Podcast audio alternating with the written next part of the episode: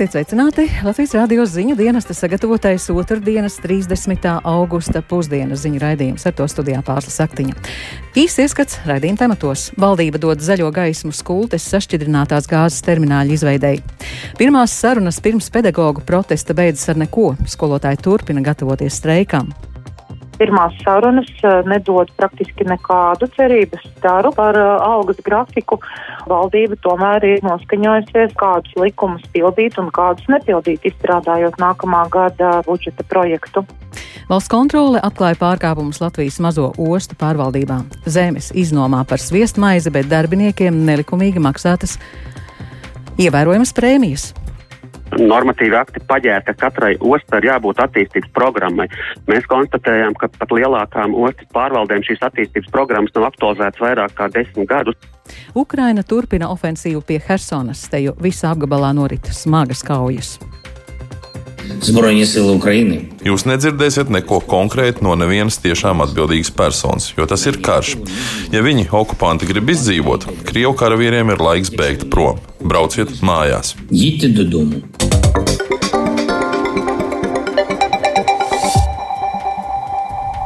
Valdība šodien ir lēmusi sašķidrinātās dabasgāzes terminālu Latvijā veidot skultē. Tam paredzēts arī noteikt nacionālo interešu objektu statusu. Šobrīd notiek valdības preses konference par valdības lēmumu un par to precīzāk un sīkāk mēs informēsim pēc brīža. Pēc trīs nedēļām paredzētā pedagoģu streika izlīgšanas komisijas sēde ir noslēgusies bez rezultāta. Latvijas izglītības un zinātnes darbinieku arotbiedrība ziņo, ka streiks notiks, bet sarunas ar nozares ministriju turpināsies nākamajā pirmdienā. Tā pirms Mirkļa sarunā Latvijas rādio atzina streika izlīgšanas komisijas vadītāja, arotbiedrības priekšsēdētāja Inga Vanaga. Šodienas izlīgšanas komisijā jāsaka nekāda ļoti ievērojama progresa un kompromisa nebija. Um, ministra būtībā viņai nebija nekāda finansējuma apmēra, ja, par ko viņa varētu uh, vienoties ar mums uh, par uh, darba samaksas paaugstināšanas, ja šo grafiku. Tur ministra nav gatava pilnīgi nekādiem kompromisiem. Uh, un eh, iz, iz, izmanto kā vairogu šo budžeta likumu un norāda, ka tas ir jauns prioritārais pasākums mūsu prasība, kam mēs pilnīgi galīgi nepiekrītam, ja, jo to tomēr jau divi pusgadu garumā mēs esam cenšies ar politiķiem risināt uh, šo jautājumu, ja par darba samaksu. Uh, un par darba slodzēm. Ministre piedāvā kompromisa risinājumus divām pedagoģu grupām. Uh, tas ir vispārējās izglītības iestāžu pedagogiem šo slodzes veidošanās principu, uh, nu, tātad risināt ja, šo, šo nevien, nu, sabalansētību trīs gadu ietvarā. Uh, turklāt rekomendējošu raksturu, ja, kā lai tās lodze veidojās, un tad viņi arī piedāvā risinājums pirmskolas izglītības iestāžu pedagoģu slodzes tādai sabalansēšanai, kur jāsaka, tam ir ietekme uz pašvaldību budžetiem, uh, un uh, tur ir no arī pašvaldību viedoklis ļoti svarīgs. Nu, jāsaka, ļoti slikti sagatavojušies, bez kaut kādas finansiālās, kā saka, rīcības iespējām, ja, un aizsadzoties ar budžeta likumu, kas tiešām ir nepieņemami, uh, nu, zinot, ka līdz šīs prasības nav uzradušās pēdējo nedēļu laikā, tas tomēr ir gadiem aktualizēt šie jautājumi. Nu, un vēl aprēķini ir jāprecizē, jo mēs secinājām, ka aprēķinos ir nepilnības un, uh, un, un kas uzrāda lielāku fiskālo ietekmi nekā tai patiesībā, nu, tad jābūt. Nu, tas arī nav, nu, nav, kā saka, mums arī nu, pieņemami un korekti, un tur jau ir runa par vairāk vairākiem desmitiem miljonu, ja šo, šīm izmaiņām aprēķinos. Sarunas turpināsies pirmdien? Pirmdien, jā, tad no pulkstens 16. tāds ir nākamā tikšanās. Tikmēr streiks paliek spēkā. Jā, lēmumi uz vietām tiek pieņemti, un mēs informēsim arī mūsu biedrus, kad ir un arī tie, kuri nav biedri, ka pirmās sarunas nedod praktiski nekādu cerības staru, lai valdība prastos un izpildītu spēkā esošas normatīvos aktus par algas grafiku, un ka valdība tomēr ir noskaņojusies, kādus likumus pildīt un kādus nepildīt, izstrādājot nākamā gada tātad budžeta projektu. Tā streika izlīkšanas komisijas vadītāja, arotbiedrības priekšsēdētāja Inga Vanaga. Un nu mēs varam ziņot arī par valdības šīs dienas lēmumu. Tātad sašķidrinātās dabasgāzes termināls Latvijā būs skultē, tām paredzēts noteikt arī nacionālo interešu objektu statusu, un valdības lēmumu sagaidīja Jānis Kīncis, kurš pievienojies studijā. Jāni, kas zināms saistībā ar valdības lemto? Jā, esiet sveicināti. Jā, valdībai šodien bija jāizvēlas, kuru no abiem sašķidrinātās gāzes termināla projektiem skultē vai kundziņa salā virzīt īstenošanai, un tā tad jā, zaļā gaisma ir dota termināla projektam skultē. Un vienlaikus valdība šim projektam tiešām šo, noteikusi šo nacionālo interešu objektu statusu. Tas nozīmē to, ka būs atvieglota būvniecības procesa administrēšana, būs saīsināts dažādas procedūras, tā skaitā, piemēram, par ietekmes uz vidi novērtēšanu. Turpmāko apmēram trīs nedēļu laikā taps īpašs likums, lai eh, skultes sašķidrinātās gāzes termināla projektam noņemtu šos minētos administratīvos šķēršļus. Sākotnēji šos lēmumus bija paredzēts pieņemt vakar, bet pēc drošības iestāžu norādēm dokumenti bija jāpapildina, un eh, tam, ka šī projekta drošības riska izvērtējumam ir būtiska loma, piekrita arī Latvijas energoenerģētiķu un energobūvnieku asociācijas izpildirektors Gunārs Valdmanis. Pēc viņa teiktā ir ļoti būtiski, lai šī projekta īstenošana neietekmētu nekādas sankcijas vai jau kāda šauba ēna. Tāpat svarīgi būt pārliecība, ka projekta izmaksas būs pamatotas un vienlaikus termināls spēs konkurēt ar līdzīgiem uh, objektiem Lietuvā, Igaunijā, Somijā, Polijā un arī Vācijā. Tā savukārt izteikusies ekonomikas ministre Ilza Indriksone no Nacionālās apvienības. Vēl jāpiebilst, ka projekta ekonomiskais izvērtējums vēl taps līdz ar līdz ar šo minēto likuma projektu par nacionālo interešu objektu statusu, tāpēc pašlaik izmaksu aspektus lēmumu pieņēmēji vēl nekomentē. Paldies! Tik tālu Jānis Kīncis, bet šodien gaidāms arī būtisks saimas lēmums. Saima ārkārtas sēdē pirmajā lasījumā ir atbalstījusi grozījums personu apliecinošu dokumentu likumā, kas pirmo reizi Latvijas vēsturē paredz pagarināt pasu un ID karšu derīguma termiņu personām, kurām tas beidzies Covid pandēmijas laikā. Un, lai cilvēki varētu piedalīties saimnes vēlēšanās, saņemt pakalpojumus veselības, labklājības, sociālajā un izglītības jomā, viņu dokumentu derīguma termiņu plānoja pagarināt līdz nākamā gada 30. aprīlim. Un parlamentā notiekošajam seko līdz arī Viktors Demidovs. Viņš arī šeit studijā. Sveiks, Viktor, un pastāsti, kas šodien tad izskan saimā saistībā ar šo priekšlikumu. Jā, sveicināti. Izteikts vairākums saimnes deputātu pirmajā lasījumā atbalstīja grozījumus likumā, kas paredz pagarināt pasu un ID karšu derīguma termiņu tām personām, kurām tas beigs, ir beidzies no 2020. gada 1. mārta. Iesākumā es pastāstīšu vispār kopumā par šo ideju. Tā tad līdz gaidāmajām saimnes vēlēšanām, jeb līdz 1. oktobrim, personu apliecinošu dokumentu derīguma termiņš beigsies gandrīz 27 tūkstošiem Latvijas iedzīvotāju. Un, lai viņi, lai personas, kurām tātad personu apliecinošu dokumentu derīguma termiņš ir beidzies vai tuvākajā laikā beigsies, varētu Latvijā īstenot savas pamatiesības, piemēram, saņemt pakalpojumus veselības, labklājības, sociālajā, izglītības un tiesību aizsardzības jomā, arī, protams, piedalīties saimnes vēlēšanās. Viņu dokumentu derīguma termiņu plānots pagarināt līdz nākamā gada 30 aprīlim. Jāpiebilst, ka tātad ar šo dokumentu varēs apliecināt savu, pa, savu identitāti, tā teikt, tikai klātienē, tātad ceļot vai, vai un tikai Latvijā ceļot ar to dokumentu nevarēs.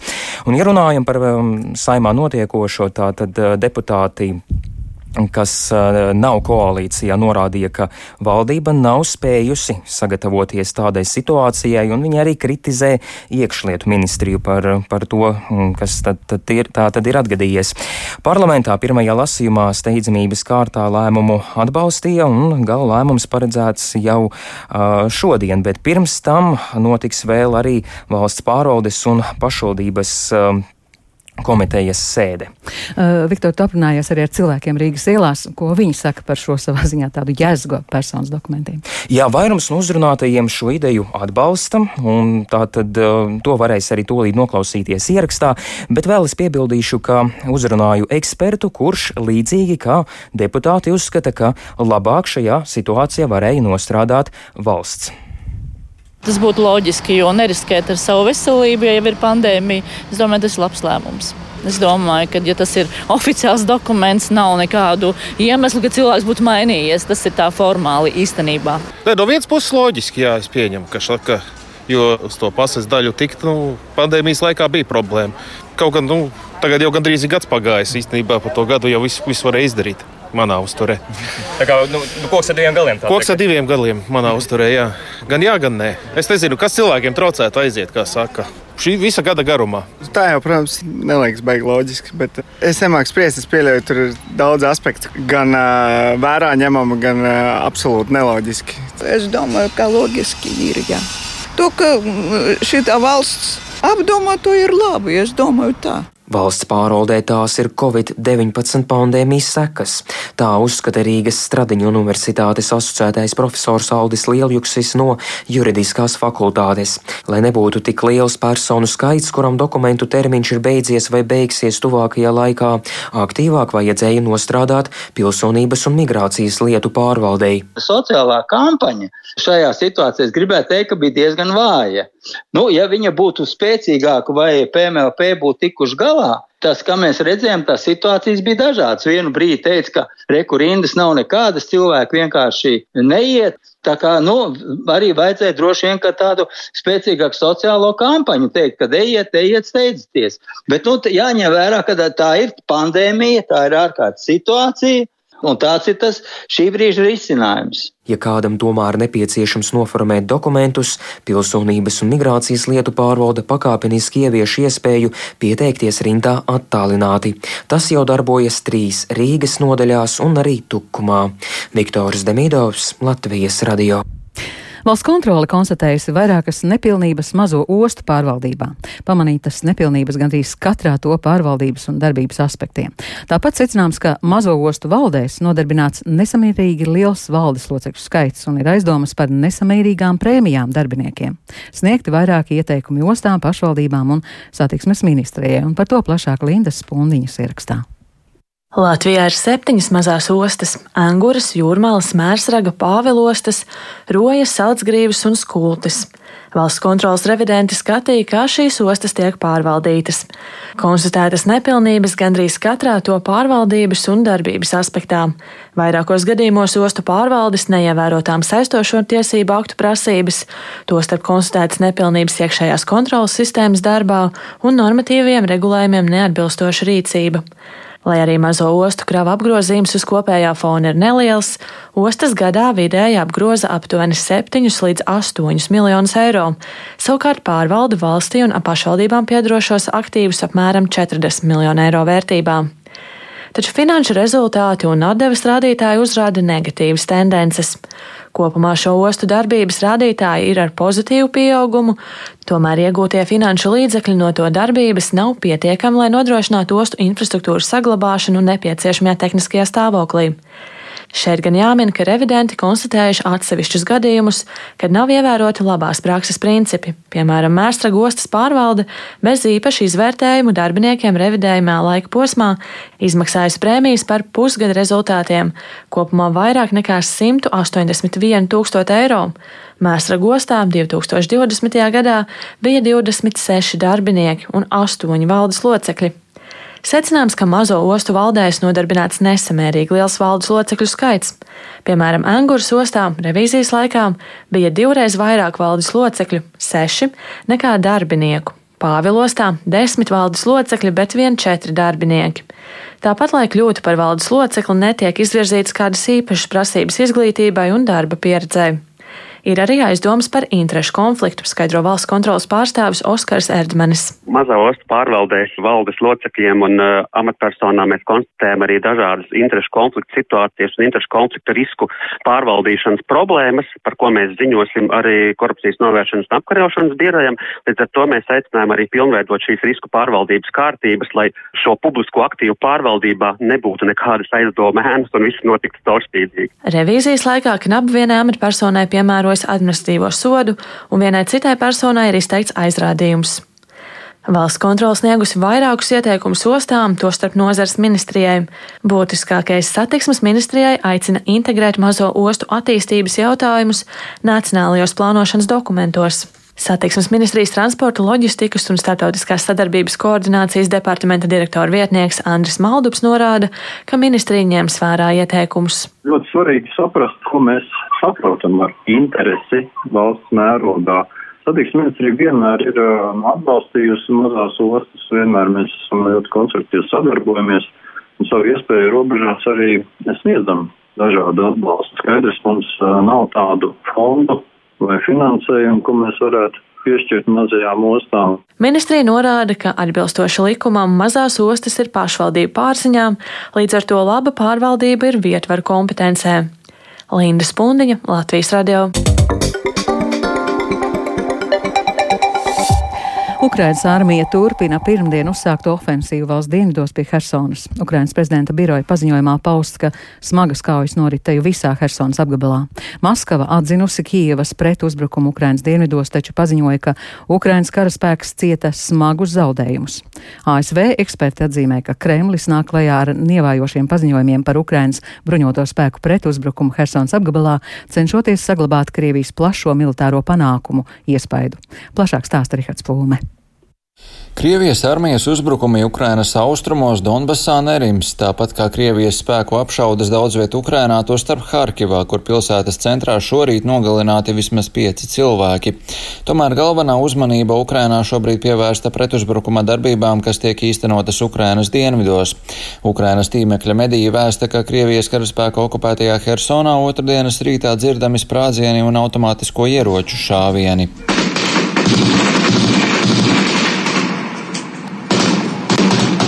Ziņas par apšaudēm saņemtas no vairākiem rajoniem. Militārais eksperts Oļegs Danovs gan norādījis, ka ielu kauju nav bijis un Krievijas spēki visticamāk centušies notvert dezertierus vai apšaudas notikušas starp Krievijas vienībām, kas ienaidnieka pozīcijās nesot retumus militārā sastāva nevienādības dēļ. Spēcīgi sprādzieni Hersonas apgabalā turpinājās visu dienu un visu nakti, norāda Ukrainas prezidenta birojā. Smagas kaujas notiek gandrīz visā Hersonas apgabala teritorijā. Ukrainas bruņotajiem spēkiem uzsākot ofensīvas darbības dažādos virzienos. Kā vēsta Ukrainas armija, dienvidos pēdējā diennaktī tika iznīcināti vairāk nekā 80 krievu iebrucēji un 30 ienaidnieka tehnikas vienības.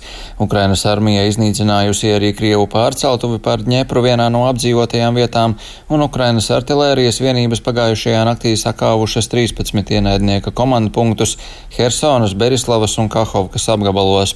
Iznīcinātas arī munīcijas noliktavas.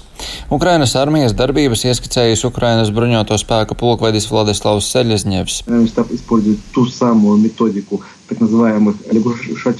Ģenerālštāps izmanto tā saucamo Vardis lēciena tehniku. Ilgā laika periodā ar artilērijas palīdzību tiek nojaukta ienaidnieka aizmugures infrastruktūra. Pēc tam Ukrainas bruņoties spēki dodas uzbrukumā, attīra iznīcinātos objektus ar ienaidnieka spēku paliekām un ieņem aizsardzību jaunās robežās. Telekanāls CNN pirmdienas vakarā vēstīja, ka Ukrainas armija no Krievijas iebrucējiem atbrīvojusi četrus ciematus Hersonas apkaimē. Kā sacīja avots armijā, operācija sākusies naktī ar masveida Krievijas pozīciju un aizmuguras apšaudīšanu. Pirmā aizsardzības līnija esot pārauta trīs vietās un avots norādījis, ka daudzi krievi ne tikai nogalināti, bet arī saņemti gūstā. Lielbritānijas aizsardzības ministrija norādījusi, ka, lai gan vēl nav iespējams apstiprināt Ukrainas progresa apjomu, tās armija ir palielinājusi artilērijas uguni frontes līnijas sektoros Ukrainas dienvidos. Ukrainas spēki izmanto tālas darbības precīzus triecienus, lai izjauktu Krievijas piegādes līnijas. Ukrainas prezidents Valdemirs Zelenskis savā ikvakara uzrunā sacīja, ka Krievijas karavīriem ir laiks bēgt prom no Ukrainas. Zbroņas sila Ukraina, naša rozvitka, naša sila obroni roblēt Ukraiņas bruņotie spēki, mūsu izlūkdienesti, mūsu aizsardzības spēki dara savu darbu. Esmu pārliecināts, ka jūs visi saprotat, kas notiek, par ko mēs cīnāmies un uz ko tiecamies. Un mūsu karotājiem nav vajadzīgi nekādi paziņojumi vai informācijas viļņa aizmugurē. Ukraina atgūst savējo. Un kā to saprot mūsu sabiedrība, es gribu, lai to saprastu arī okupanti. Viņiem nebūs vietas uz Ukraiņu zemes. Jūs nedzirdēsiet neko konkrētu no nevienas tiešām atbildīgas personas, jo tas ir karš. Ja viņi, okupanti, grib izdzīvot, sakot, Krievu karavīriem ir laiks beigt prom. Brauciet mājās. Російським військовим настав час тікати. Їдьте додому. Maskava pirmdien atzina Kijevas pretuzbrukumu Ukrainas dienvidos, taču paziņoja, ka Ukrainas karaspēks cieta smagus zaudējumus un cieta neveiksmi savā uzbrukuma mēģinājumā. ASV eksperti atzīmē, ka Kremlis nāk klajā ar nievājošiem paziņojumiem par Ukrainas bruņoto spēku pretuzbrukumu, cenšoties saglabāt Krievijas plašo militāro panākumu iespaidu. Arī Baltais nams ir saņēmis ziņas, ka Ukraina sākusi pretuzbrukumu dienvidos, taču nevēlas komentēt konkrētas militārās operācijas. Savukārt Pentagona amatpersona norādījusi, ka Krievijai joprojām ir grūtības atrast vairāk karavīru, kuriem cīnīties Ukrainā. Karot gribētāji tiek meklēti pat cietumos, un daudzi jaunie saucamie ir gados vecāki, sliktā formā, un viņiem trūkst apmācības. Saskaņā ar amatpersonas teikto, Pentagona secinājums ir tāds, ka papildu karavīru piesaistīšana armijai līdz gada beigām var arī nepalielināt kopējo Krievijas armijas kaujas spēku. Rihards Plūme, Latvijas radio. Vairākas Eiropas tiesnešu organizācijas vērsušās tiesā pret Eiropas Savienības padomi un Eiropas komisiju, uzskatot, ka tiek klai ignorēts Eiropas Savienības spriedums par tiesiskumu atjaunošanu Polijā. Tikmēr Polija uzskata, ka tiesneša sūdzība uz Varšavu neatiecas, bet Eiropas Savienība, turpinot bloķēt līdzekļu izmaksu Polijai, joprojām mēģina panākt valdības maiņu valstī. Vairāk stāstu Uģis Lībietis. Lai veicinātu valsts atkopšanos no pandēmijas, kā arī atbalstītu Poliju ceļā uz pārēju uz zaļāku ekonomiku, Polijai ir paredzēts piešķirt 35,4 miljārdus eiro dažādos grantos, kā arī 11,5 miljārdus eiro aizdevumos. Bet, lai arī Polija joprojām nav šo finansējumu saņēmusi, četras tiesnešu organizācijas ir vēršušās tiesā pret Eiropas Savienības padomi, pieprasot tās lēmumu atcelt. Eiropas Tiesnešu asociācija, Eiropas Administratīvo tiesnešu asociācija, tiesneši tiesnešiem, kā arī Eiropas Tiesnešu un prokuroru apvienojošā organizācija Medela savā sūdzībā norāda, ka Polijai izvirzītās prasības ir neskaidras un nepilnīgas. Kā paskaidro šo iniciatīvu atbalstošo akadēmiķu iniciatīva The Good Lobby Profs, Eiropas komisija komisija un Eiropas Savienības padome Polijas plāna gadījumā ir pārkāpuši savus pilnvarus. Tas tāpēc, ka abām institūcijām nav tiesība izmantot Eiropas Savienības tiesas spriedumus kā tirgošanās līdzekli vai ieganstu politisku lēmumu sasniegšanai. Tikmēr Polijas valdības preses pārstāvis Piotrs Millers ir norādījis, ka Eiropas komisijas un Eiropas Savienības padomas lēmumi joprojām ir spēkā un tiesnešu sūdzības neko nemaina. Nacionālais rekonstrukcijas plāns ir apstiprināts un tajā iekļautie projekti jau tiek īstenoti. Turklāt, pēc Millera vārdiem, sūdzības ir vērstas pret Eiropas institūcijām, nevis Poliju.